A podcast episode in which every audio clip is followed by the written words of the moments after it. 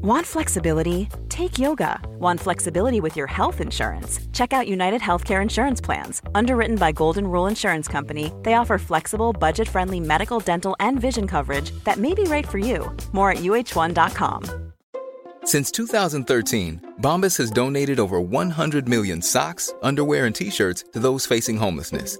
If we counted those on air, this ad would last over 1,157 days. But if we counted the time it takes to make a donation possible, it would take just a few clicks. Because every time you make a purchase, Bombas donates an item to someone who needs it. Go to bombas.com slash ACAST and use code ACAST for 20% off your first purchase. That's bombas.com slash ACAST, code ACAST. Hej och välkomna till Lillelördag. Det är väl kråkornas tid här inne i vår lilla poddstudio. Ja, det kraxas på. Ja, Ja, podden är ju flyttad en dag eh, till förmån för det här, så ni får ju stå ut. ja hur lät du igår? Eh, unsett värre.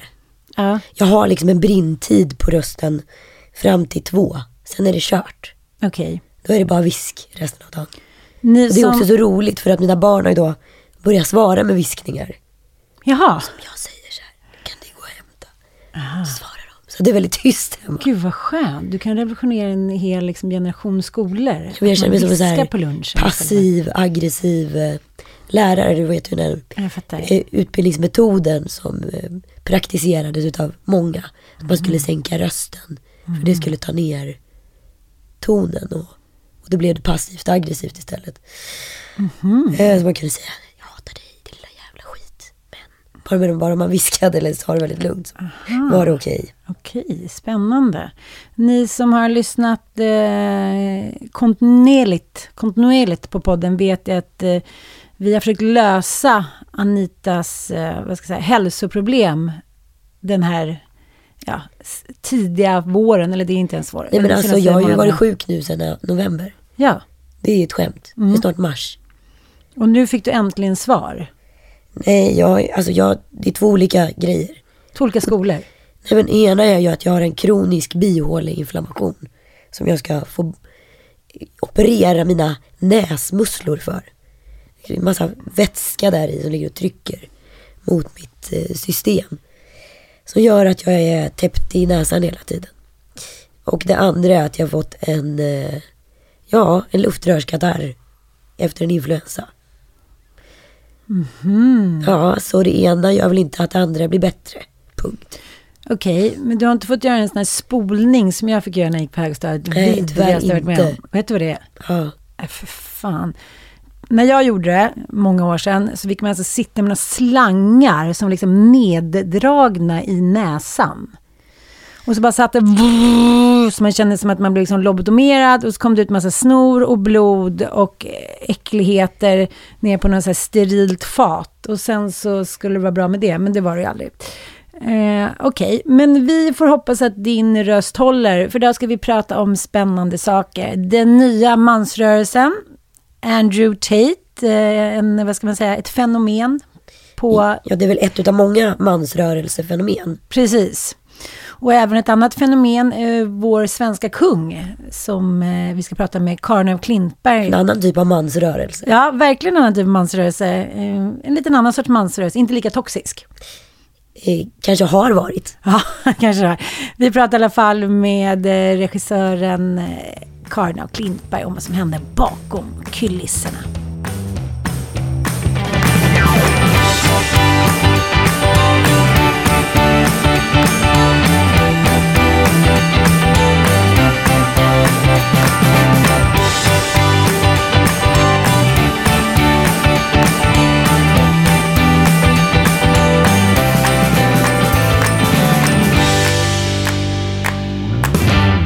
Anita, eh, jag har, eh, jag vet inte om jag har kommit något på spåren, men jag är liksom lite... Jag läste en eh, debattartikel av Stefan Krakowski. Han är ju överläkare i psykiatri och skrev den här boken Incel som kom ut 2021. Han menar på att det, här mans, det öppna manshatet som pågår liksom, inte bara bland feminister, men liksom överlag i eh, så här, Sveriges media och även på tjejmiddagar eh, kan man väl säga. Att det är inte okej längre att vi så öppet liksom eh, trakasserar den här mannen som ändå... Alltså jag tolkar lite som att han tycker varför ska vi hoppa på männen när de ändå redan ligger? De är, inte, de är utan manövrerade på universiteten. Eh, liksom, de har svårt att dejta. De har svårare att komma in liksom, på arbetsmarknaden. De är liksom allmänt osäkra där ute. Så att det finns liksom ja, det, det, är otacksamt att sparka på männen. Vi måste sluta med det. Och så tar han bland annat upp en krönika som handlar om eh, män som blir flintis. Mm. Av en väldigt bra journalist tycker jag, Susanna Kierkegaard på Aftonbladet, som jag ofta läser med eh, behållning. Och hon eh, skriver ganska ofta Ja, man måste väl säga, liksom, jag vill ju säga lite humoristiskt, men det är ju också inte ens mellan raderna ganska nedlåtande om både mäns utseende, personlighet och förmågor. Hon menar att vi måste sluta liksom spela med att män, de män som inte liksom har några förmågor klarar av det. Vi måste liksom sluta låtsas som att vi tycker det. Vi måste säga till männen som det är. Vi kan inte vara 40-talistmorsor som är så här, åh vad du är duktig som grillade, åh vad du var duktig som gick ut med soporna. Utan vi måste, så här, vi måste ställa samma krav på män som vi gör kring kvinnor. Det hänger ju lite ihop med den här Ida Östenssons bok där de pratar om att kvinnor jobbar oavlönat för ungefär 6 miljoner mm. i motsvarande inkomst på en livstid som någon form av snitt.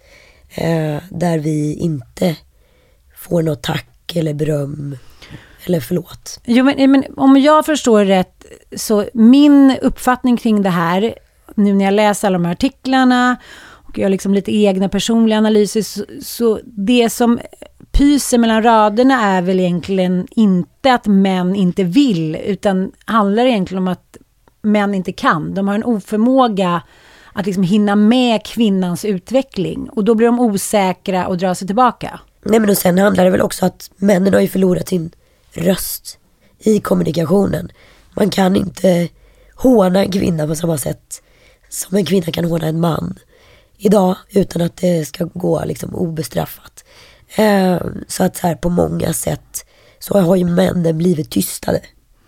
Ja, och när de då, tycker jag, försöker vara lite öppna och visa sårbarhet så åker de ju på skit lite som här i eh, Kierkegaards krönika. Ja, eller Tre pappor. Ja, och eh, jag menar det är några män då som eh, jämför att liksom eh, manligt håravfall, det är många patienter som tycker att de lider lika mycket som någon som har dödlig cancer.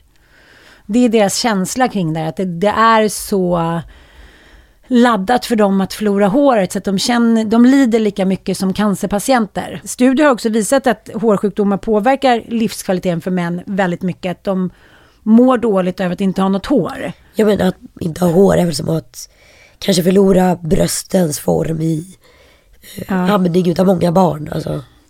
Då skriver hon citat, det bör nämnas att tunnhårigheten för med sig mycket lidande även för oss åskådare är lite raljant. Framförallt genom att vi behöver stå ut med alla killar med rakade huvuden. Ingen vågar omfamna munkkranser, Homer Simpson-hårstråna eller Danny DeVito-rufset. Att alternativet är att se ut som ett nykokt ägg bekymrar dem inte.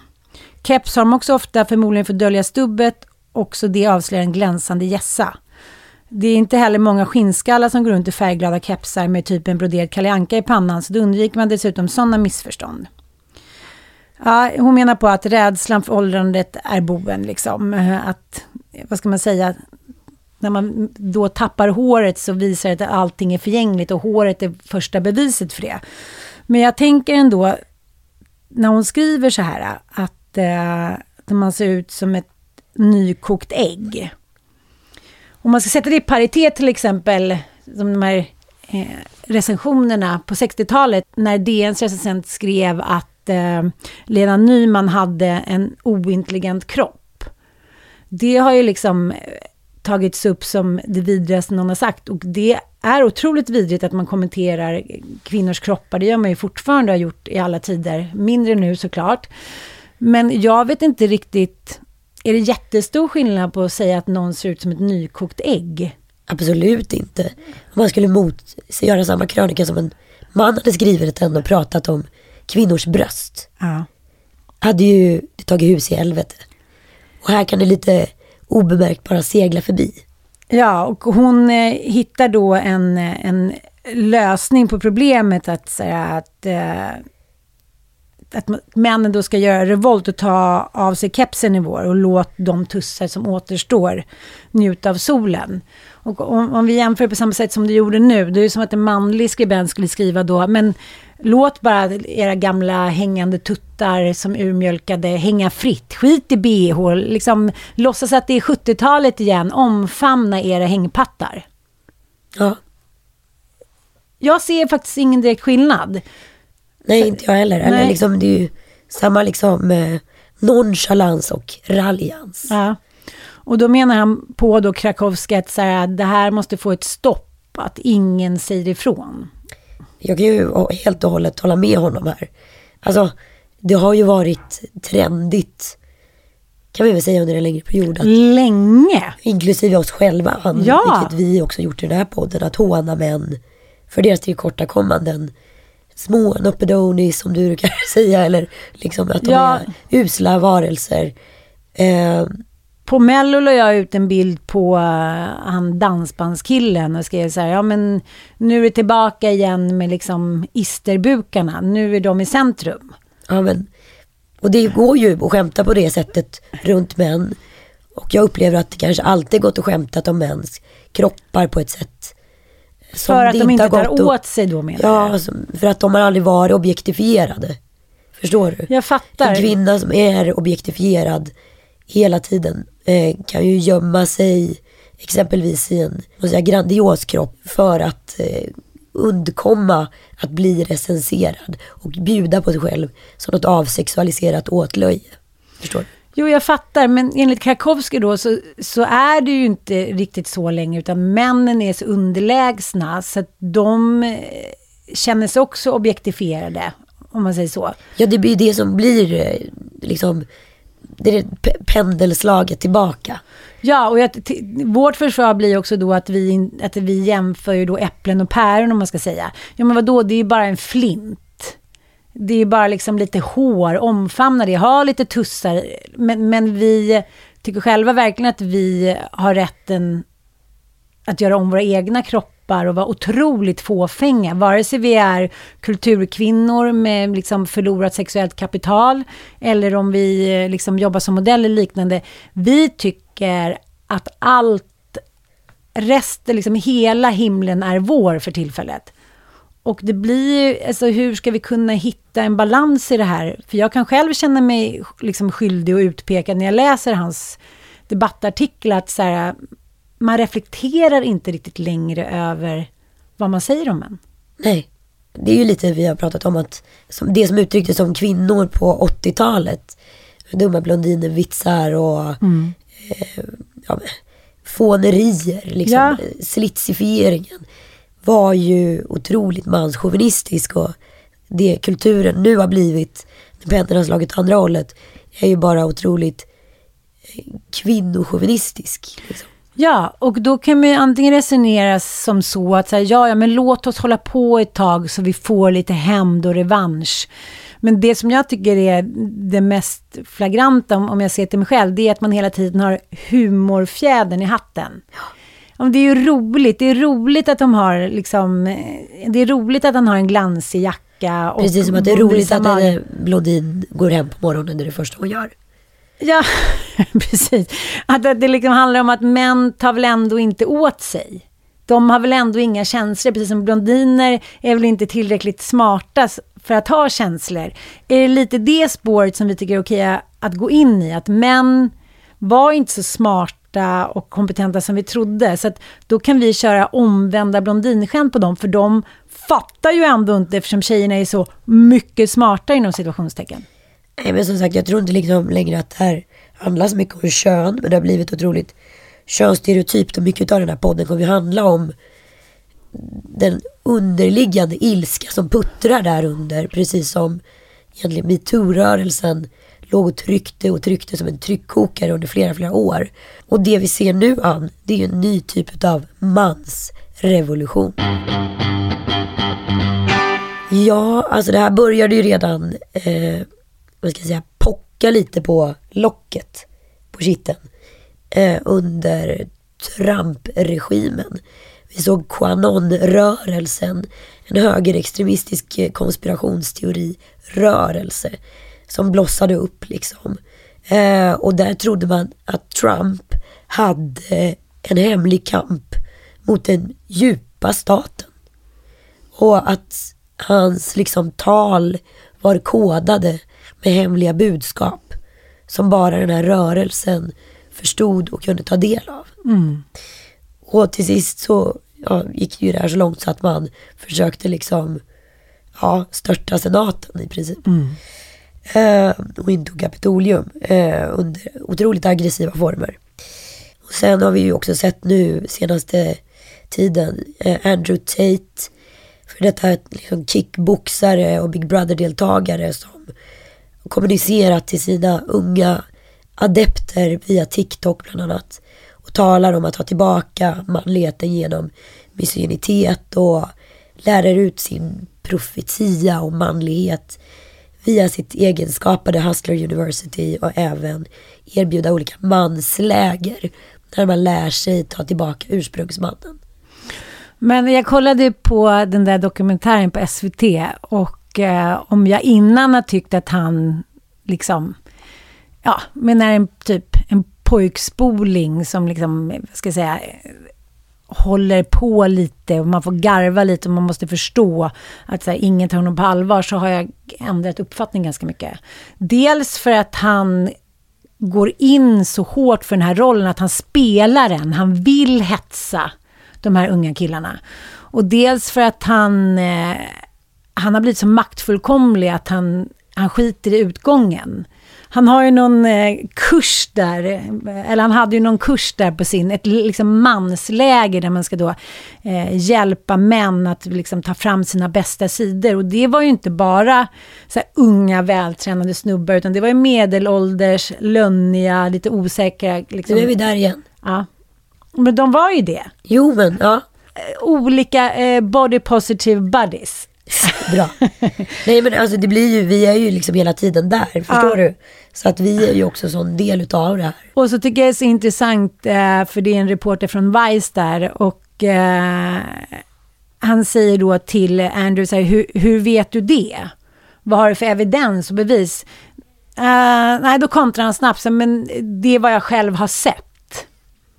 Och det är där jag tycker det börjar bli liksom riktigt obehagligt, att när man skapar sina egna sanningar på grund av konspirationsteorierna. Och det är det här som är väldigt intressant för även i den omdiskuterade serien Tre pappor som vi har pratat om här x antal gånger så är det ju män som vill vara fria och hitta sin roll som män i det nya samhället.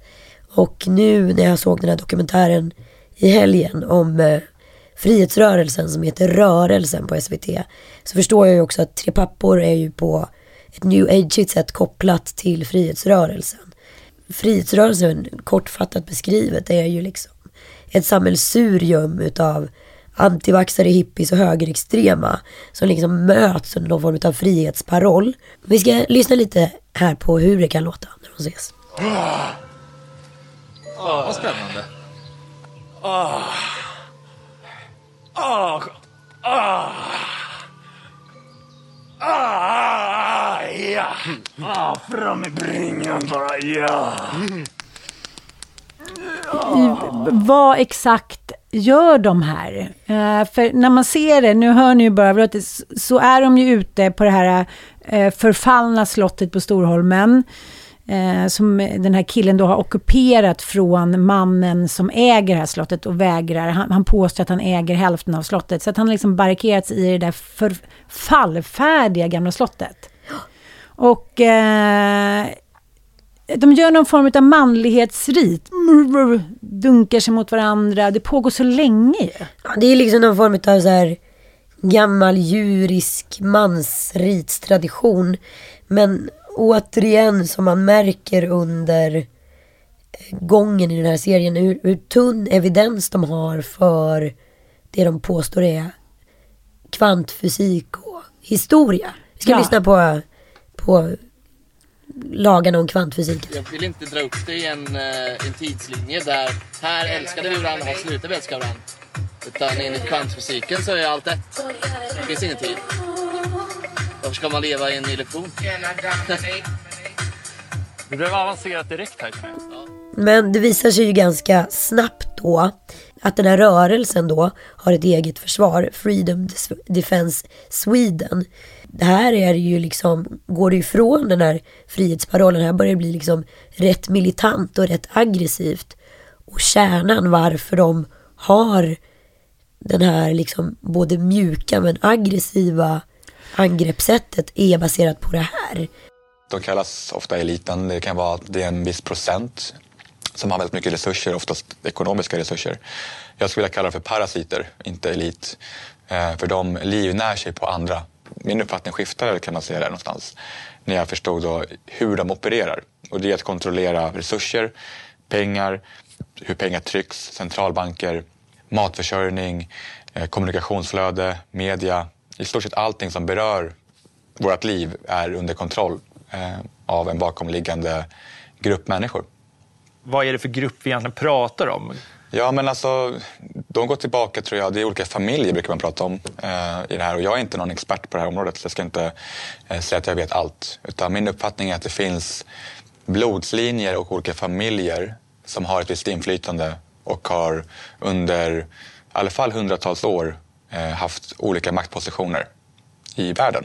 Det är de här narrativen som är inprogrammerade i människor idag som eh, är problemet och som de här människorna ligger bakom. Men det som man förstår här är att det smyger sig in liksom i maktens korridorer och i samhällets, vad ska man säga, eh, sakta men säkert, att som så många gånger i historien förr, så sker det liksom, man märker inte av att det liksom införlivas i samhället innan det är för sent. Och det är det som jag tycker är så obehagligt, för man ser ju de här som tomtar på loftet. Ja, man ignorerar dem lite, likadant som med incelmännen har vi ju också hånat och ignorerat. Ja. Eh, men det var ju jätteintressant sista avsnittet av Din hjärna med Anders Hansen där Anders åker till LA och besöker en av världens mest främsta AI-forskare. Vi ska lyssna lite på hur det mötet lät förändra oss och göra oss mer förutsägbara om den ger oss mer och mer extrem information. Så att vi till exempel börjar tro på konspirationsteorier. Men vem skulle vara så cynisk att han eller hon säger åt en AI att lura i oss konspirationsteorier? Ja, det är nu det blir lite lurigt, för ingen behöver ha sagt åt den att göra det. AI kan ha dragit den slutsatsen själv när den analyserade uppgifter om oss. Precis som när den lärde sig att spela Go och kom på drag som ingen människa kommit på. the way that social media algorithms are manipulating people and you know some people would argue tearing apart our democratic societies Would you agree to that? i would actually i mean we see previously rational people going down a rabbit hole of false information it can't be the case that a perfectly sensible person saw a completely false article about covid or the election or whatever it was and sort of suddenly changed and believed it right for that to happen, they have to have been led small step by small step by small step along a path. And I suspect that that's what's going on. The algorithm is protected by these giant multinational corporations, uh, and because it's generating so much money, uh, it's very hard to unplug it. Do you think we will look back at this period in history and say that oh, we were naive in implementing these extremely powerful technologies, especially social media, without any regulations? Absolutely. Yeah. Små, små, små eh, steg, steg. Mm. radikalisera människor. Eh, och det här är ju jävligt intressant. Det var en otroligt intressant artikel i veckan av Bernie Sanders, nu för detta presidentkandidaten, eh, som ja, kandiderade för West Wing då. Eh, han skrev i The Guardian en lång eh, och jävligt viktig debattartikel om nedmonteringen utav lokalpressen. Hur den har gett upphov till de här eh, icke-källkritiska rörelserna som snart blir sanningar. Och vikten utav bra och äkta journalist, eh, journalistik. Hur vi har sonderat bort det och skapat ett tryck med okunskap eh, som vi inte kan hantera när det växer sig till olika kluster. Och det går ju att garva åt de här personerna i den här liksom, frihetsrörelsen. Vi ska lyssna på ett klipp till här. Vi pratar mycket om liksom, hur, vi ska, hur vårt ledarskap ska fungera. Och om du tar Sagan om ringen till exempel så är ju Aragorn är ju en ledare han är ju en slags kungarketyp och han ska liksom leda arméerna och han ska leda ett rike och, och styra och den stora organisationen. Liksom. Medan Gandalf, han är också en typ av ledare som mer är lite utanför strukturen och gör lite som han vill. Men när det väl hettar till så kan han kliva in och, med sin kraft och han är en naturlig ledare. Och där så är väl jag mer en Aragorn och eh, Max är en, eh, en Gandalf. Nej men det går ju att garva bort det här och de jämför sig med sagofigurer. Eh, men liksom det är ju uppdiktat i böcker och så vidare men liksom man kollar på eh, SD för 15 år sedan så var ju de också ett samhällsut av jävligt konstiga, högerextrema, lite brokiga människor och hitan och ditan. Eh, som eh, möttes i någon form av sakfråga och sen blev det i slutändan ett parti som har, som har liksom nästan 30 procent utav svenska röster idag. Mm. Um, vi har ju sett det här liksom historiskt i fascismens historia hela tiden. Och jag har ju varit på det förut, det här med revolutionen som hände vid industrialismen, de här luditerna som gick runt och slog sönder vävstolarna. För man var rädd att eh, maskinerna skulle ta våra jobb. Mm, mm. Här påstår ju den här otroligt duktiga forskaren Carl Benedict Frey svensk vid Oxford University att eh, det kommer bli en mot, en motsvarande rörelse innan AI-revolutionen. Men det, det som är intressant med den här revolutionen det är ju att det är en AI-baserad revolution. Mm, mm, mm. De tror att de är mot AI, men de är ju för AI. Mm, mm. Ja, men jag fattar. Och eh, vi pratade häromdagen om, jag berättade om eh, en kompis son som absolut inte ville ta den andra coronasprutan. Och jag var så här, nej men varför ville du inte det? Det var ju bara liksom ett och ett halvt år sedan. Då tyckte inte du alls att det var något problem att ta sprutan. Och nu eh, ska du iväg på en resa och behöver ta den här sprutan. Vad är det som har hänt på vägen? Ja, ah, men eh, har du inte sett? Har du inte hört? alla dessa människor som har fått sina liv förstörda och som har blivit sjuka och blivit förlamade. Alltså det var liksom en lång, lång typ harang om allt som kunde hända. Och då sa jag så här, det är klart att människor eh, har liksom blivit påverkade av det här vaccinet, men inte i den utsträckning som du pratar om och inte i din ålder.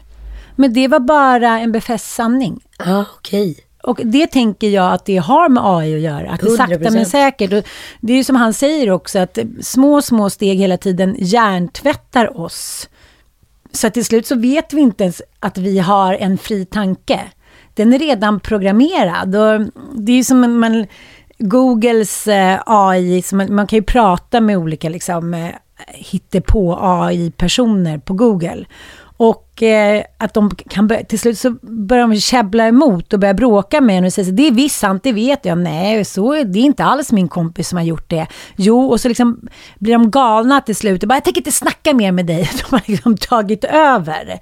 Ja, AI de... går ett spår som inte är inprogrammerat. Nej, den, alltså, AI tolkar ju bara mänskligheten. Den ja. kan ju inte ta egna beslut. Den har ingen strävan, ingen vilja. Den bara är liksom helt plan egentligen. Men den kan ju förvränga verkligheten tusen gånger om utan att vi förstår varför. Ja, Eller absolut. hur? Eh, men liksom, jag tror också att vi har en så här konstig, precis som han liksom pratar om sagoreferenser här. Som Theodor Engström som eh, mördade Marie Wieselgren i somras i Almedalen. Han pratar ju om att han var en sagopojke. Och de här pratar om sagoreferenser som någon form av facit på en tid som varit. Eh, deras summeringar utav fakta är som att prata om en matiné, matinéfilm på 50-talet precis Mm. som det 40 eller 30-tal som Jimmy Åkesson så gärna rom- romantiserar. Som också är en filmkuliss som inte alls stämmer överens Mm. Och där med han inte alls själv skulle vilja leva i den tiden. Han skulle inte stå ut mer än 24 timmar liksom. Nej, och, och jag tror att så här, vi har då baserat på de här sagoupplevelserna, även oss som försöker ha någon form av relevans i det vi tänker och säger fortfarande, eh, också tror jag romantiserat politiska revolutioner. Att vi trott att till och med arbetarrörelsen var en vacker sprungen revol revolt utifrån arbetarnas perspektiv och så vidare. Det var ju också en sammelsurium, rätt hysteriska människor som samlades runt olika sakfrågor och drev igenom det här under väldigt lång tid. Så att så här, man ska liksom inte bara säga det där idioter. Vissa utav de grejerna som sägs i den här dokumentären jag har sett båda timmarna håller jag med om. Och vissa grejer är ju bara total koko-festeri. Eh, de ska vara politiskt obundna, sen blir de aktiva rätt fort. Kliver in i, i liksom och kandiderar som parti. För att sen lösas upp två minuter senare. Men de funkar ju lite som ett så här coronavirus. De försvinner, kommer tillbaka i ny form. Ännu aggressivare och ännu aggressivare. Tills de blivit så pass stora så de faktiskt får makt. Vi här kanske ser det här i början på någonting som vår framtid kanske kommer se ut om, om 20 år. Eller så kommer det bara självdö. Jag, jag tycker också att det känns som att det är lika delar bromance. Att man inte ifrågasätter tosserierna, även om det kanske är, är några där som har huvudet på skaft tillräckligt att se så här, ja, ja, det här kanske inte liksom var så smart sagt, så, är det lite som att de är som stora pojkar där alla får liksom komma till tals och tycka till med tosseri. Lite som man är med barn så här. Ja, det blir säkert bra. Det blir säkert bra att, att, att, att tomten kommer och, och ger dig den här presenten. Men vi ska bara prata lite om Filips Philips grandiosa självbild. Alla har en superkraft. Liksom. Och min superkraft är att jag är jävligt bra på det mesta. Jag tror det är därför jag är lämpad för att vara en ledare. För jag ska inte ha en specifik roll utan jag förstår det mesta. Jag har lätt för att lära mig saker, fatta saker och kan sätta andra i arbete liksom, och, och skapa det här. Så att, Jag tänker också på Nazityskland. Hur eh, liksom hela deras rörelse smögs in bakifrån. Nu hade ju de ingen riktig organisatorisk förmåga. Och därför föll ju allting sen som ett korthus. Alltså de var väl rätt bra på att organisera sig skulle jag säga fram till absoluta slutet. Jo, men det fanns ju liksom, det var ju väldigt mycket stora planer och stora byggnader, men det fanns ju ingen infrastruktur bakom planerna. Men eh, idag så kan man ju, precis som du säger, idag kan man ju via då AI och internetet och liksom, man kan ju mobilisera sig så mycket snabbare. Man kan hitta de här olika människorna som kan mobilisera sig och skapa in infrastruktur även om de framstår som tomtar. Och det är ju det som jag tycker är läskiga om man då eh, jämför med hur det var kanske för 70 år sedan, att man kan mobilisera sig utan att det märks. Nej men och sen så, precis som i de här liksom sammansvurningarna eller nazistpartiet eller kommunismen eller fascismen eller vad som helst. Hur liksom de här två ledarkaraktärerna då, Max och Filip, nej förlåt jag menar Gandalf och Aragorn. Då drabbar samman eh, så, så visar det sig att ja, eh, Aragorn blir ju utfryst. Ja. Eh, och förvisad och då tar flykt norröver. För att sen, vad han själv kallar det, för konungens återkomst. Mm. Att han ska tillbaka och erövra makten.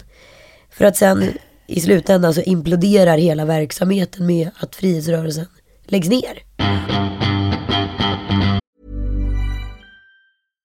If you're looking for plump lips that last, you need to know about Juvederm lip fillers. With Juvederm Volbella XC and Juvederm Ultra XC, your lip look, whether it's subtle or bold, can last up to one full year with optimal treatment and no additional maintenance. Find a licensed specialist and see if it's right for you at juvederm.com today. That's J U V E D E R M.com. Add fullness to lips in adults over 21 with Juvederm Volbella XC or Juvederm Ultra XC. Do not use if you have severe allergies or a history of severe allergic reactions, or if you're allergic to lidocaine or the proteins used in Juvederm. Tell your doctor if you have a history of scarring or taking medicines that decrease the body's immune response or that can prolong bleeding. Common side effects include injection site redness, swelling, pain, tenderness, firmness, lumps, bumps, bruising, discoloration, or itching. As with all fillers, there's a rare risk of unintentional injection into a blood vessel, which can cause vision abnormalities, blindness, stroke, temporary scabs, or scarring.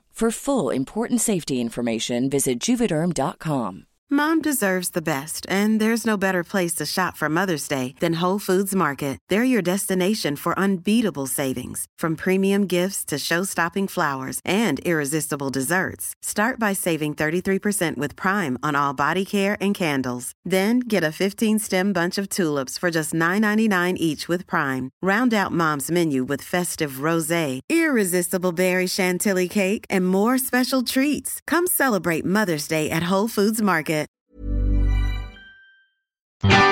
Men de här grandiosa självbilderna, de kan ju framstå som liksom pojkaktiga och lite gulliga och roliga. Men det är ändå vuxna män som kallar sig själv för liksom konungar och sagofigurer och återkomster. Det känns som att så här, den vuxne mannen lever i någon parallellvärld för att man inte känner att man får den här erkännandet i den riktiga världen. Det är ju det som också Incel handlar om, att man liksom, även kompetenta människor så här, jobbar halvtid för att de ska kunna sitta och spela och vara kungar och liksom eh, bestämma över andra människor. Att den här maktfullkomligheten kan man så här, leva ut, men man kan kanske fort, än så länge kan man inte göra det i, i det vanliga samhället, så då måste man hitta enklaver.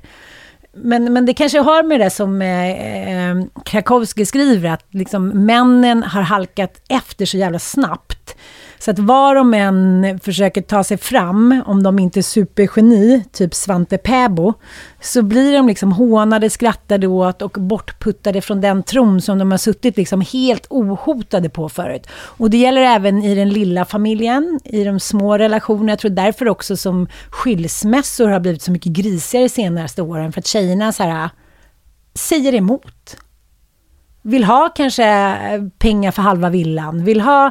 Alltså vi fodrar oss inte längre på samma sätt och går iväg tysta och skäms. Vi har gjort någon form av kvinnorevolution och det tror jag också är en del i det här. Ja men det är ju kvinnorevolutionen som är liksom någon form av startskott för den förvirrade mansrollen och en, eh, och en tyst, i början passivt aggressiv liksom reträtt. Mm. Som nu liksom sakta, sakta, sakta mullrar allt högre och nu hör vi ju de här vrålen som sker liksom. Att nu ska det ju ut.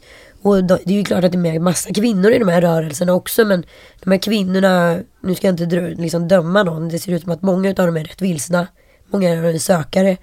Eh, deras, de är ju också bara en spegling utav de här arketypiska männen. Och kvinnorna ska stå för det jordnära och liv. Det här är inga kvinnor som ska göra något annat än föda barn. Det här ska vara kvinnor som männen ska kunna komma hem och krama och dyrka. Och, och, och liksom, men de ska stå vid spisen. Jo, men det blir också, om man tar bilden som Andrew Tate har då i, i sitt, eh, liksom, vad ska man säga, mansion är ju lättklädda kvinnor, eh, kvinnor som står och så här, torkar bord, kvinnor som agerar prostituerade, kvinnor. Så det blir också, det är två olika liksom, mansrörelser tycker jag. De ena som bara liksom har världens eh, sämsta kvinnosyn och bara tar vad de vill ha, som Andrew Tate-ish. Och så är det de här männen som bara vill ha en mamma. Ja. Är det ingen som vill ha Fast någon det, som... det påstår ju då Andrew Tate att han också vill ha. Så att jag skulle ju säga att... En mamma som han vill knulla då? Ja. Att det, det är liksom en... Eh, när Andrew Tate pratar om, i alla fall i sin Hustler University, liksom lära, ska kvinnan vara liksom behjälplig eh, knullmaskin. Men jordisk och huslig. Och när liksom frihetsrörelsens flumfalang pratar om det så är det ju moder jord. Ja, jag fattar. Och, jag fattar. Liksom, du, du får gärna, de vördnar ju om kvinnan på ett annat sätt jämfört med Andrew Tate. Men fortfarande är det inte en kvinna som ska göra karriärista och säga såhär, du tar hand om barnen. Utan det är ju en annan kvinnotyp de söker. De vill tillbaka till ett sprung där könsrollerna är väldigt tydliga och könsmaktsordningen är väldigt tydlig. Ja, men vi kommer ju aldrig gå tillbaka och liksom till det som har varit. Och jag tänker så här, om vi både liksom kvinnor och män kunde inse att vi måste liksom hitta en ny väg att gå tillsammans, så skulle det liksom bli lite mer effektivt. Nu känns det lite som att vi har gett upp om varandra. Ja, alltså jag tror ju att, det, vi har ju varit inne på det flera gånger i den här podden, att den här kilen som börjar liksom slås upp Ah. i mitten mellan man, män och kvinnor är liksom inte bra och vi ska väl inte heller vara med och bidra till den. Utan försöka liksom hitta mer förståelse.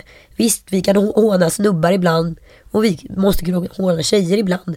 Idag blir man ju liksom bannad på sociala medier ifall man säger något ont om någon kvinna. Mm, mm. Då är det lika med att du är kvinnohatare. Eller liksom, vilket inte är rätt. Jag har liksom alltid fått ha någon diskussion. Du är väldigt det där. svart eller vitt tycker jag just nu. Extremt svart eller vitt. Ja, nu är vi pendeln, pendeln slår ju åt höger eller vänster och just nu är den väl tvär mycket åt vänster liksom. Nå- Jag älskar ju någonstans när den är i mitten. Men det är den oftast bara en väldigt kort period i varje decennium liksom. Samtidigt så kan jag inte låta bli att tänka att det som män har skrivit, liksom, vad ska man säga, i mångt och mycket om kvinnor, tror jag handlar om att de vill försöka fånga vår uppmärksamhet och därför på något sätt vara lite, vad ska jag säga, Skvallerbytta-bingbong-aktiga. Eh, eller att de eh, på något sätt är avundsjuka på oss och eh, på no- vill ha oss, förstår du? Det som vi pratade om förut, pling. Att mannens liksom, behov är alltid att sätta kvinnan högst upp i familjepyramiden. Och eh, om hon puttas ner ett steg så liksom, då blir hela familjens, vad ska jag säga, stabilitet börjar ruckas. Men när vi kvinnor skriver debattartiklar eller krönikor eller vad det nu handlar om, om män, ah, om män, så handlar det om eh, att vi inte vill ha dem längre. Och det har varit så otroligt mycket debattartiklar nu som har blivit kritiserade, bland annat då eh, den här krönikan om att är det så himla farligt att vara otrogen? Som var idén, kan man inte både äta kakan och ha den kvar? Det var ju så liksom, folk blev så upprörda så att det var helt otroligt. Och just det här att kvinnor inte känner att de vill dejta killar längre för det finns ingen initiativförmåga och det finns liksom ingen... Det, männen är inte längre vad män har varit. Så det är ju så, här, så jävla dubbla budskap för alla män. Det var någon tjej som sa så här, men jag vill både att liksom mannen ska då eh, ta mig med storm och sen ska vi sitta och dricka te på kvällen. Alltså vi har ju skapat en, en AI-man som liksom inte finns. Och finns inte han, då är vi hellre med tjejerna. Då går vi hellre ut med tjejerna och sitter med någon snubbe som ber om en kaffeswish. Så jag, jag känner lite som att så här, nästa generation kvinnor och vi börjar skapa en värld där så här, är inte mannen så som vi vill att han ska vara, alltså kan liksom matcha oss, så tänker vi ett, inte spela, att tycka att de är bättre, vilket kommer bli liksom, jaha, vad händer då i alla relationer? Eh, folk kommer inte ha någon given plats. Två, vi kommer vara lite så här, ja men då tar vi vår rabbit och kör liksom en eh, handtrall eller en handtralla och sen så skiter vi i männen. Ja, nej men vi har ju sett lika mycket så här kvinnor som krisar, det har vi pratat om tidigare också i eh, exempelvis Gift vid första ögonkastet att den här feministrollen är ju väldigt svårt att axla också så här vad den faktiskt ska kunna kräva. Alltså kan man kräva samma saker i en relation som i samhällets krav på eh, liksom män. Alltså går det att plocka med sig den kravlistan in i en, i en relation? Vad som är den feministiska kampen och inte. Så att vi gör det ju inte lätt för någon just nu liksom. Nej, men tror du inte att det handlar om insikten att så här, gud, jag kan ha ett ganska swell life utan den där mansbebisen som är pappa till mina barn eller utan eh, gå ut och dejta den där killen. Alltså jag kan ha ett bra liv med min egen sexualitet eller jag kanske inte ens vill ha någon sexualitet längre. Jag kanske har tröttnat på det. Alltså det är någon sån omformation om vad en kvinna vill ha. Innan så var vi så programmerade, inte via AI, utan så här, via filmer och böcker böcker och hur vi uppfostrade. Så här, ja, vi måste direkt ha en kille, ta vår 70-tals liksom, generation. Det var det enda vi tänkte på. Om man inte hade en kille eller blev av med oskulden, då fick man liksom inte vara med i gänget. Det var det enda man var ute efter. Killar, killar, man besatta av killen. Och nu när det inte är så längre så måste ju någonting, det kommer säkert festas och liksom bli någonting bra av det också, men just nu så är det ju vobbligt. Och det skapar ju då män som är missnöjda, män som inte känner sig omtyckta, män som liksom vill visa vad skåpet ska stå och så är det ingen som bryr sig om vad skåpet står längre. Nej. En annan man som inte heller vet vad skåpet ska stå är ju kungen. Ja, men vet han var kungakronan ska sitta? Det tror jag han vet. Vi ska ringa upp våran favorit Karin av Klintberg för en exklusiv intervju om hennes biodokumentär Kungen. Ja, vi är redo. Ers Majestät. Ja, dag, dag. Och välkommen till Drottningholm. Tack! I snart 50 år har Karl XVI Gustav varit Sveriges kung. Jag har fått följa med i hans liv. Det är ändå plikten framförallt fram till dödsbädden. Absolut. Han är inte ens ett år när hans pappa dör i en flygolycka. Mamma var ju ensam. Jag tror inte hon orkade med det som hände. 27 år gammal blir han världens yngsta kung. Det var enormt laddat. Nu är det allvar. Ansvaret ligger på dina axlar. Nu får du klara av det här på bästa sätt. Men, ja, men du får inte... Du måste tala om när det börjar. Jag vill förstå kungen, förstå hans värld och förstå hur det är att vara kung. Har det varit en gåva eller ett fängelse att vara kung? Men jag, jag, jag, jag släpper inte frågan. Jesus, jag har ju lunch. För helvete, jag har ju massa gäster. Men, Hej eh, Karin av Klintberg. Du ringer direkt från Umeå. Ja, jag sitter i en loge eh, i Go'kväll. Mm. På SVT Go'kväll, redaktionen. Och du är där för att du ska prata om din nya film, en film av Karin af Klintberg, nämligen Kungen. Ja, om Karl XVI Gustav. Det är din egen Kungsgata. ja.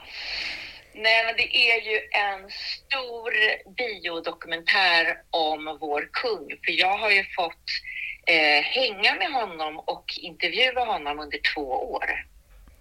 Det är ju unikt, det kan man ju säga. Ja, det, det har aldrig hänt förut någonsin faktiskt i svensk historia. Han, vår kung har inte gjort det, hans farfar gav inte intervjuer, farfars far gav inte intervjuer och jag tror att vår kung, han kommer inte göra det här igen. Så det kanske är den enda filmen som någonsin kommer göras om honom också. Nu kan ju du pensionera dig. ja, fast det finns ju fler kungar eller drottningar att gå på också efter det här. ja, men du, ska vi prata lite om filmen? Du kallar det för en biodokumentär. Jajamensan. Mm. Eller kallar det, det är det. Den går upp på 180 biografer över Sverige på eh, fredag. Shit. Men varför blev det du som fick audiens? Ja, jag undrar fortfarande det faktiskt, men jag tror att det är att jag har gjort vettiga produktioner om svensk historia, om Sverige och eh, att jag jobbar med humor skrämde inte eh, hovet, informationsavdelningen på hovet. Så jag sa jag vill göra en värdig men också rolig film om kungen. Och jag vill också att det ska vara en filmisk upplevelse att det är en film om kungen. Eh, för man brukar ju se honom, vi är vana vid hur man ser kungen. Det är en ganska generisk musik som spelas och man kommer liksom på ett, man får bara komma till ett visst avstånd. Man kommer inte så nära kungen med en kamera. Man brukar liksom stå bakom ett rep när man filmar kungen. Eh, men nu har jag liksom fått komma honom nära och eh, processintervjua eh, honom och prata med honom om hans barndom, uppväxt och eh, hur det är att vara kung. Jag reagerade eh, framför allt eller jag reagerade på flera saker, eh, men jag reagerade på att han säger att han inte visste förrän han var 12-13 år vad som hade hänt med hans pappa. Precis. Det verkade råda någon form av liksom, tystnadskultur. De pratade inte hemma i familjen, berättar han. Eh, han Eh, det är inte med i filmen, men han berättade också att när han började skolan som 6-7-åring så, var det, så sa hans skolkamrater pappa till, liksom, till äldre män. Eh, så då gjorde han också det. Så han kallade andra äldre män för pappa för han trodde att äldre män hette det. Så att, liksom de, familjen verkar inte riktigt prata hemma om vad som hade hänt hans pappa och när han var 14 år så eh, öppnade han en tidning och såg att hans pappa dog i en flygolycka och ingen hade berättat det för honom. Otroligt. Berätt. Ja. Jag har ju inte sett filmen som han har gjort, men hur reagerade han då? Eh, han säger väldigt, väldigt fint att trycksvärtan lyste så svart. Eh, och det är väl hans sätt att, liksom in, äh, att berätta att, äh, liksom, att det var en nyhet för honom och att det liksom, skakade om honom. Var fanns hans mamma under den här tiden? Men jag tror att en drottningemoder var nog inte så nära sina prinsessbarn och sitt prinsbarn. För så såg det ut på hovet liksom under 40 och 50-talet. Det såg ut så i andra överklassfamiljer också, att man inte var så nära barnen. Hon verkade sitta och äta frukost ensam. Barnen fick lite mer audiens in hos henne. Eh, men de verkade mest vara med sin barnflicka Ingrid Björnberg som beskrivs av syskonen som en väldigt varm person och hon, hon var dem nära. Hon var kvar eh, jag tror hon dog någon gång på 80-talet, så hon var kvar tills till och med eh, prinsessan Victoria eh, växte upp. Och hon hade inga egna barn, hon offrade dem till förmån ja, för kungabarn. Hon gav sitt liv till, till den familjen efter pappans olycka. Det blir väldigt tydligt också att det fanns inget liksom, tänk kring hur man skulle bete sig kring barn under 40, 50, 60 och kanske till och med 70-talet. Fram till kungen och drottningen fick egna barn som de försökte skydda efter bästa förmåga. De, du berättar i filmen att när eh, kungen tar studenten så är det sånt tryck att press... Um, pressläktaren faller. Alltså, Det är så klaustrofobiskt ögonblick när alla står med den här kameran i hans ansikte. Han har liksom ingen... Han är som en, eh, vad ska jag säga, han är som en eh, fisk i en liksom, i ett akvarium. Men han, han bara liksom chippar efter luft och ingen visar någon hänsyn. Plus dyslexin, plus de här extra pluggandet. Han, alltså jag tycker att det, det, det är en smärre, ett smärre mirakel att han överhuvudtaget går på denna jord fortfarande. Jag tycker han har blivit otroligt illa behandlad överlag. Ja, det har varit intressant för ni har visat filmen och precis den sekvensen, hur, hur uttittad han alltid har varit och alltid kameror i närheten och att det började ju så tidigt. Och när vi visat den sekvensen för, för eh, vissa människor så pratar de om ett övergrepp av ett barn. Eh, mm. Jag vet inte om det är rätt ord, men, men det är någonting när man, när man tar ett barn och eh, liksom sätter honom i strålkastarna och det var ju ett barn som inte alltid tyckte om det och han sätter ord på det, kungen, hur han kände sig uttittad som, som någon form av liksom, djur, djur i bur. Mm, mm. Men det måste ju påverka honom otroligt mycket och jag tänker också på det här med vad ska jag kalla för dumstruts, dumstrutifieringen av honom. Eh, som liksom Tage Erlander var med och befäste hur det måste påverkat honom i hans karaktär. Eh, och också se sin egen son då få en rätt styrmodlig behandling i media. Exakt, men, och under intervjuerna och mötena med kungen så är det ett ord som kommer tillbaka hela tiden som jag inte såg komma eh, innan jag började intervjua honom. Han pratar ofta om ensam och ensamhet. Och det kommer tillbaks hela tiden. Men han slutar säga det ordet när han träffar eh, drottning Silvia. Därifrån, även om det är ett, liksom, det måste vara jättesvårt att vara eh, ett liksom, lyckat par om man är kung och drottning. Men där, därifrån märkte jag ändå att han slutade säga ordet ensam. De träffades ju i München på OS 1972. Hon var ju någon överste kucku, värdinna och han har ju vid många tillfällen sagt att det bara är så här klick. Men i din film så tycker jag att det blir, eh, jag får en helt annan bild av det. Att han lika delar eh, kände klick men också insåg ganska snabbt att det här är någon som kom, kommer kunna hjälpa mig att klara av den här påfrestande rollen som jag känner mig osäker på. Mm. Det krävs så att säga en, en bra drottning för att kunna vara kung. Så att jag, jag tror han liksom sökte ett, ett drottningämne men han, han fann ju på något sätt en kung. Um, så hon uh, verkar ju ha betytt mycket för honom i, i rollen som kung och det är ganska fina scener i filmen där hon, man ser liksom en, en försiktig hand stryka över hans rygg. Liksom ett eh, enormt stöd skulle jag nog drista mig till att säga. Ja, It ain't over tycker jag man kände när man såg eh, filmen. Att det känns så här att du har gett en ny bild av de två som eh, ett eh, respektfullt kärlekspar. Kan du kommentera det? Vad, vad, kände du själv när du träffade Silvia? Jo, men det, det är det jag ser att eh, tillsammans så klarar de den här uppgiften som de har mycket, mycket bättre än ensamma. Och eh, kungen pratar om att de liksom debriefar och hjälper varandra och jag tror att det är, eh, jag menar man är helt ensam som kung. Det, det är ett ämbete eh, som en person i taget har och jösses vad det måste vara skönt att få ett stöd. Eh, vad har de för relation till döden i kungahuset? Ja, jag pratar ju mycket om det i filmen och Eh, det är ju ett ämne som många andra som de inte pratar om.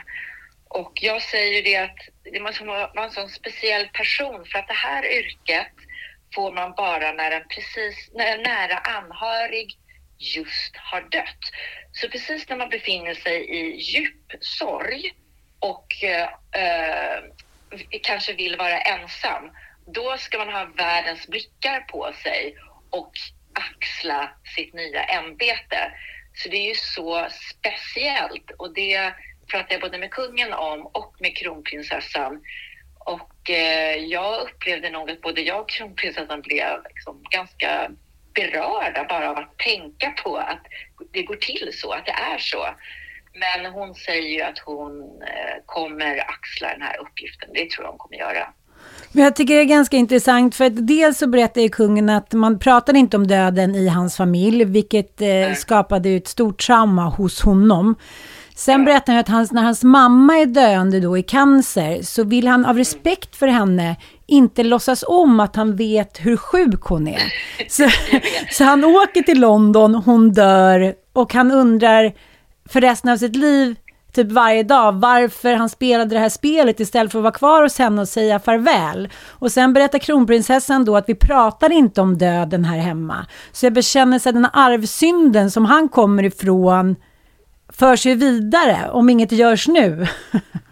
Ja, men det är ju svårt att bryta invanda mönster och jag tycker så mycket om att kungen eh, lyckas psykologisera över sig själv där att han, att han ser ett beteende och ångrar det och kan sätta ord på det.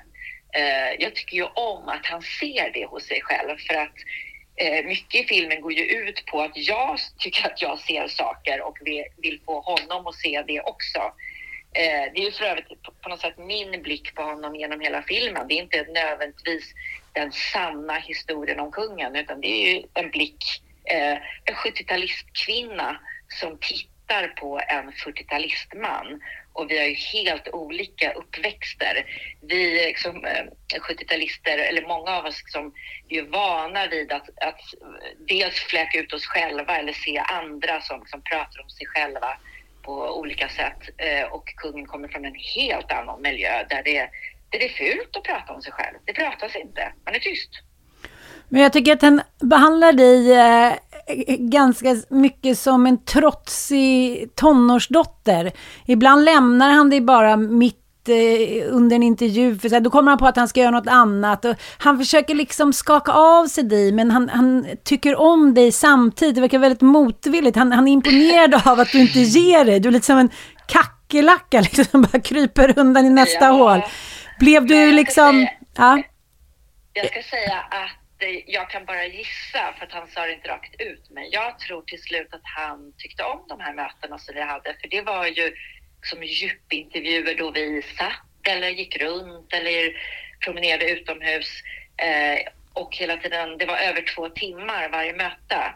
Och att till slut så blir det någon form av tillit eh, när man träffas och umgås. Och eh, eh, Eh, jag försöker prata med honom som en människa, prata med honom från en människa till en annan. Och eh, det finns ju så mycket hovsam ehm, eh, hovsamma möten med kungen för att man måste spela spelet för annars är man inte välkommen tillbaka.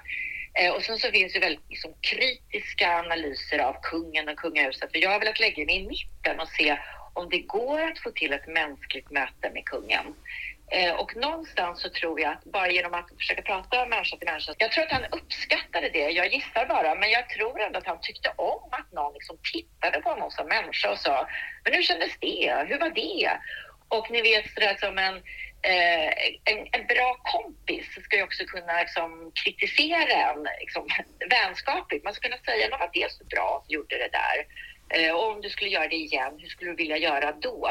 Så att liksom, jag har försökt prata med honom som kompisen. Det är svårt för oss eh, vanliga människor, om man säger så, som du har påpekat innan, att förstå vilken överklass kungen rör sig i. Eh, det är vid några tillfällen där du försöker få honom att förstå att det finns människor som inte har hans privilegier. Eller i alla fall liksom, ja, eh, det förstår väl han också, men du pratar bland annat om, du ber om ett relationstips av kungen och han säger man måste ha skilda badrum.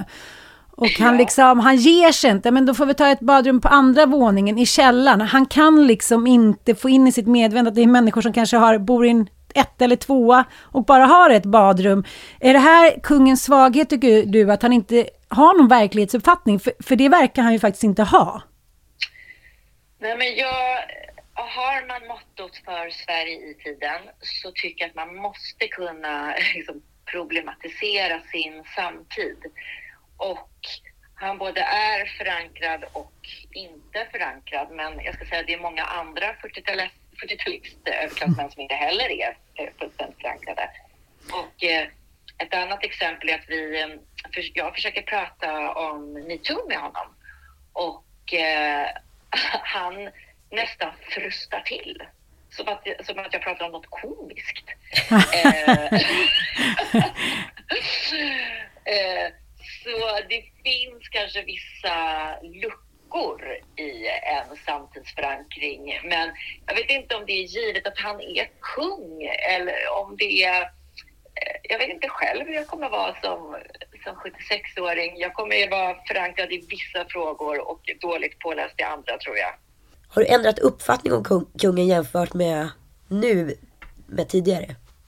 Ja, det som jag befinner mig i, i fritt fall kring liksom, synen på monarkin. Jag kan liksom inte bestämma mig. För å ena sidan jag tycker att det är djupt, djupt odemokratiskt, hela den här strukturen, att vi har ett kungahus. Det är omodernt. Men å andra sidan så har jag följt honom och sett hur han liksom vandrar in på ett sjukhus eh, i Östersund och liksom berömmer eh, sjuksköterskor som jobbade under hela pandemin och tog dubbla skift och do, hur de liksom får ett kvitto på att deras eh, arbete var värt och att någon som ändå, han är högt uppsatt och han ser dem. Så att jag ser också att, så att säga, eh, kungahuset är viktigt för aktiebolaget Sverige. Eh, det fyller en funktion. Så jag vet inte riktigt eh, var jag befinner mig nu efter att ha liksom följt honom på, på nära håll. Du är den motvillige royalisten. Jag är verkligen inte royalist, men jag ser, eh, jag ser eh, att de är viktiga. Jag har ju pratat med lite eh, hovreportrar, eller som har jobbat tidigare som hovreportrar. Och de säger efter att ha sett filmen att gud, om folk bara skulle veta hur mycket bilder på kungen och kungafamiljen som inte har publicerats av respekt. för kungafamiljen och eh, aktiebolaget Sverige. Och hur många intervjuer eh, liksom, som inte då har publicerats eller man har tagit bort vissa delar där kungen liksom har tappat det lite grann. Har du fått tillgång till några bilder som du eh, inte har fått visa? Eller hur, hur har arbetet med filmen gått till? Nej, jag har inte haft några handklovar utan på det sättet så tycker jag att informationsavdelningen på hovet har varit moderna. Eh, de har, eh, jag har fått ställa de frågor jag vill och jag, de har inte sagt eh, vi förbjuder X, Y och Z. Däremot har jag hela tiden visat dem sekvenser så att de ska veta vilken typ av film det är. Eftersom den är ju inte rakt igenom rolig för kungahuset. Och jag har försökt göra liksom en filmupplevelse med liksom modern musik, en, en tolkning av kungen och sätta honom i helt andra sammanhang. Eh, så på ett sätt eh, så har det varit styrt för man får bara komma till kungen genom att prata med andra människor och det är Säpo och det är legitimationskontroll. Jag skickar frågorna innan. Men väl på plats har jag pratat om det jag har varit nyfiken på och utan eh, liksom, inskränkningar. Har, har du känt dig... Eh, har du känt någon gång så här, nej men det här går inte, nu, får, nu ger jag snart upp? Verkligen. Jag har känt mig väldigt liten eh, mot institutionen. Ja. Jag eh, har varit orolig för att inte komma tillbaks. Jag har liksom skött mig. Man måste på något sätt spela spelet när man är i kast med kungahuset. Det är inte att dyka upp med liksom, kängor och parkas och lite... Eh, Utan jag har ju spelat spelat och hela tiden tänkt, är jag välkommen tillbaks? Och eh, jag är ju inte, eh, under ett halvår så var jag inte helt högprioriterad i kungens kalender och liksom, jag fullkomligen liksom rasade och tänkte det här kommer aldrig bli en film. Eh, men sen, sen fick jag faktiskt komma tillbaks och fortsätta intervju på intervju på intervju. Var det någon fråga som du aldrig vågade ställa som du ville ställa? Eh, nej, jag tyckte jag ställde de frågorna som jag ville. Men eh, även om jag ställde väldigt bra frågor så blev det ju inte alltid väldigt bra svar. Så att, eh, Men- alla mina kloka frågor kom inte med i filmen. Är kungen snäll? Eh, ja, eh, han är schysst. Eh, men han är också som fostrad till kung. Så han behöver inte alltid eh, liksom, eh, bete sig. Men ehm, eh, jag tyckte han var schysst mot mig. Mm. Nej, jag, eh, jag tänkte du vill göra en humoristisk film och det lyckas ju du alltid göra även om det först kanske inte framstår. Men han bjuder ju mycket på humoristiska tillfällen bara man fortsätter låta kameran gå. Han har ju en ofrivillig humoristisk touch. Ja, Ja. Jag tyckte den var f- fin, det var väldigt jättefin. viktigt för mig ändå att göra en värdig film om honom. För jag tror att det är lätt att dra ner brallorna på honom eller på många människor. Och Mm. eh, om jag skulle göra en film om er eller om jag liksom producerar program, då måste jag vara respektfull mot alla som syns i rutan. Jag kan inte vara mindre respektfull för att det handlar om för att det är en film om kungen. Så det har varit viktigt eh, att behandla honom med respekt, precis som jag gör med andra människor. Har du fått något hatmejl från de som inte tror på kungahuset att du har förlängt deras era med kanske 100 till 200 år bara genom den här filmen? Ja, men jag hör så olika saker. För vissa tittare eh, säger så här, helvete, nu kommer vi, nu, du har gjort en människa av honom. Nu Ja. kommer vi att ha monarki under 50 år till. Medan andra, medan andra säger, åh herregud, det här är en människa berövad sitt liv. Det här blir slutet på monarkin. Så det beror Aha. väldigt mycket vad, vilka glasögon man själv har, hur man tolkar filmen. Vad intressant. Ja men kul att se på fredag alltså. Har en premiär. Ja. Tack snälla Karin för att du var med oss. Ja, tack snälla. Hej då. Hej då. Lunch? För helvete, jag har ju massa gäster. Men, oj. Ja, eh, mycket, mycket spännande tycker jag. Eh, en eh, tjej som jag känner berättade att hon hade intervjuat eh, kungen för ett antal år sedan och eh, Först hade det varit liksom gammelpressen som hade frågat kanske lite mer politiska frågor och sen så hade hon sagt eh, ja men nu vill jag nog eh, gå över till de lite mer ja, personliga frågorna. Och då hade han liksom helt tappat det. Ja, men du vet, det blev så jobbigt. Han liksom fick ett, så här, ja, men, ett spel. Oj då. Och hon satt där och bara så här, okej, nej, ja, ja, jag ska jag kanske inte ska ställa de frågorna hit och dit. Så att det, det är klart att eh, den här filmen visar ju, tycker jag, kungen från hans liksom... Ja, men lite som att när fan blir gammal så blir även de dåliga sidorna bra sidor. Ja men å andra sidan så säger ju Karin här väldigt tydligt att hon eh, liksom spelade spelet. Om man nu bara slafsar in och kanske bara försöker köra lite rolig journalistisk raljant stil. Mm. Då faller inte det i god jord. Och, Nej, det går inte heller. nej, då, då vad heter det, är det ju bara, framstår det ju bara som dåligt påläst i princip. Men jag tycker det är intressant med filmen, för man märker att under årens gång, eh, Karin höll i alla fall på med den här filmen i två år, så verkar han tycka att det blir mer och mer spännande att träffa henne. Att hon inte faller till föga, att hon inte retirerar, att hon inte liksom, nej okej, då ställer vi inte de frågorna. Som att han själv blir lite så här ungdomligt eh, på nytt född när han eh, får lite motstånd. Ja men blir det inte lite som ett så här terapisamtal med någon som orkar sitta och lyssna på en? Ett oskrivet blad som aldrig har liksom hört det här tidigare eller Mm. färgad utav familj eller andra typer utav ögon. Mm. Men jag tror, jag har inte sett filmen än men jag ska se den nu i helgen. Men jag tror att det här kan bli lite av en upprättelse för kungahuset. Det har ju varit rätt hånat de senaste 30 åren. Det har ju också stått fritt från metoo och alltihopa. Det är ingen som har liksom Nej. tyckt att det, det har liksom stått ovanför eller under eller vad man nu har Mm. valt att placera det. Men att kunna se på kungen som är liksom ett mobboffer. Mm. Både utav vänner och media och liksom ett otroligt ensamt barn. Det tror jag kommer förändra synen på monarkin för väldigt många. Det finns ett väldigt spännande klipp tycker jag när eh, Silvia och kungen, eh, ja, de kunga gör då eh, sin förlovning. Och sitter då i, ja men det är massa filmkameror och det här visas ju i tv precis som prinsessan Dianas och prins Charles, eller dåvarande prins Charles eh, förlovning. Och jag får lite samma vibbar. Att eh, ja, men de berättar, ja men det är så här klick och hit och dit, de är så kära och bla bla bla. Och sen så eh, stängs kameran av, men det vet inte kungen. Så då eh, säger eh, ja, men Silvia lite så här kärleksfullt och nyförälskad, säger jag älskar dig. Och då säger han så här, Shh! Och då är hon så här, va? Ja, nej, kameran är avstängd. Nej, det är den inte. Alltså den här oron för att tappa det känslomässiga ansiktet. Att man är så uppfostrad i så här, han återkommer ofta till det att jag fortsätter bara gå. Annars skulle jag nog inte ha levt nu. Liksom. Att så här, nej, det går inte att titta bakåt, det går inte att ta åt sig. Jag, liksom, det här är en plikt jag har. Så att gå in i känslor eller så här, ge folket en svaghet, vilket man gör. När man visar att man har känslor så då blir man helt plötsligt försvagad.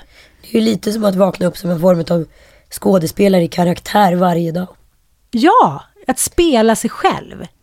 Ja. Ja, men, Väldigt men, speciellt. Väldigt speciellt. Det gör väl alla människor lite till mans, men här är det ju verkligen, han kan ju inte ens veta vem han själv är. Till skillnad från Karin så har ju jag nästan fått krama kungen. Har du? Jag har ju buggat med kungen. Just det, det där gamla skvallret från kungabröllopet. Visst. Det är ändå något. Ja, vi, men du kan väl berätta vad det var? Ja men det var ju på Carl Philip och Sofias bröllop. Ja. De är ju partydjur, hela den här familjen. Det ska vi inte undkomma. Nej, de är jätteduktiga partydjur. Ja. Och tycker det är väldigt roligt, väldigt bra på bra partys. Ja. Eh, och kungen och Silvia skrattade väldigt glatt åt min otroligt stora klänning. jag tror fan 15 meter tyg. Vid ett tillfälle när vi var på väg till själva dansgolvet i unison trupp så kom de bredvid mig och tog mig i varsin arm. Jaha. Och sen så började jag dansa med dem. Med dem tillsammans? Du har kört en doppföljd Och med sen så dans, fortsatte dansen enbart med kungen för Silvia avvek med sin väninna och stod bredvid och skrattade och tittade på. Då måste jag ställa en fråga till dig som gjorde mig glatt överraskad. Inte för att... Jag vet inte varför det gjorde mig glatt överraskad. Jag kunde varit glad om jag hade sett någon jag känner väl eh, verka förälskad, fast jag inte trodde det. Men i den här biodokumentären så känner jag ändå... Jag tycker båda får lite upprättelse för sin ganska så här nedsnackade relation. För man märker att det finns liksom inte så mycket otalt mellan dem. De har liksom vänt blad och gått vidare. Och skiter lite i vad vi andra tycker. Jag tycker att det fanns liksom, man kände både passion och kärlek mellan dem. Även fast Silvia är med jättelite. Vad kände du när du eh, träffade dem på den här festen? Jag upplever dem väldigt mycket som ett team. Ja. Väldigt mycket som ett team. Det lilla jag har sett. Ja. Eh, att de kanske inte liksom nödvändigtvis behöver vara älskande turturduvor för att veta vad man har den andra. Men att de har väldigt roligt ihop. Och att den ena inte skulle klara sig utan den andra. Mm. Och det är väl definitionen av, tycker jag, äkta kärlek. Det är inte så här att, att det är någonting som man inte skulle sträva efter. Och vem är nykär efter 45 år? Ja, gud. Förbjude, säger jag. Nej, jag ska se fram emot den här filmen. Som sagt, jag tror att den kommer påverka monarkin på ett eller annat sätt. Oavsett vad man tycker. Ja, det tror jag med. Tack Knygen. Tack Silvia. Och tack för att ni orkat lyssna på mig. På mina kraxanden. På tisdag är Vasaloppet. Vi ses i spåret.